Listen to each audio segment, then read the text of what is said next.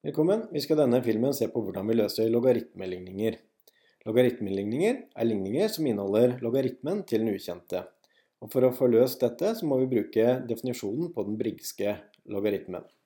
Og den var sånn at uh, a, hvis a er et positivt tall, så kan vi skrive at a er lik 10 opphøyd i logaritmen til a.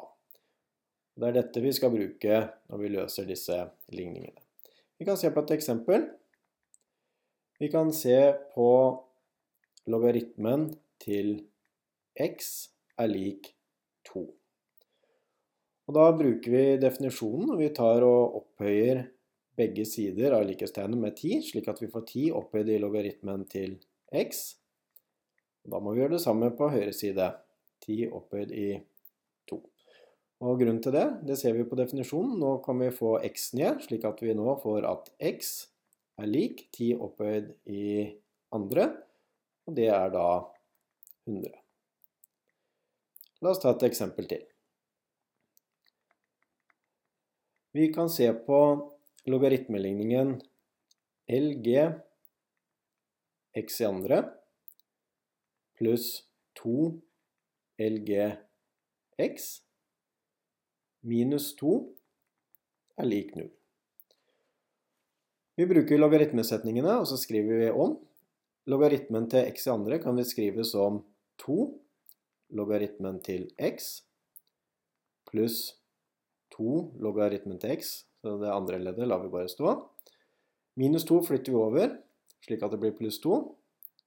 Slik. Så trekker vi sammen på venstre side, da får vi totalt 4 logaritmen til x er lik 2. Her kan vi da dele med 4 på begge sider av likestedet. Faktoren 4 står jo foran, så da kan vi forkorte bort den, og da sitter vi igjen med at logaritmen til x er lik en halv, slik. Og så bruker vi definisjonen igjen, og opphøyer begge sider tar 10 og opphøyer i begge sider, slik at vi får 10 opphøyd i logaritmen til x. Og da må vi altså ta 10 opphøyd i en halv på høyre side. Her sitter vi igjen med x på venstre side, og 10 opphøyd i en halv, det kan vi også da skrive som kvadratrota av 10, fra en av potensreglene. Så dette er altså framgangsmåten for å løse logaritmeligninger.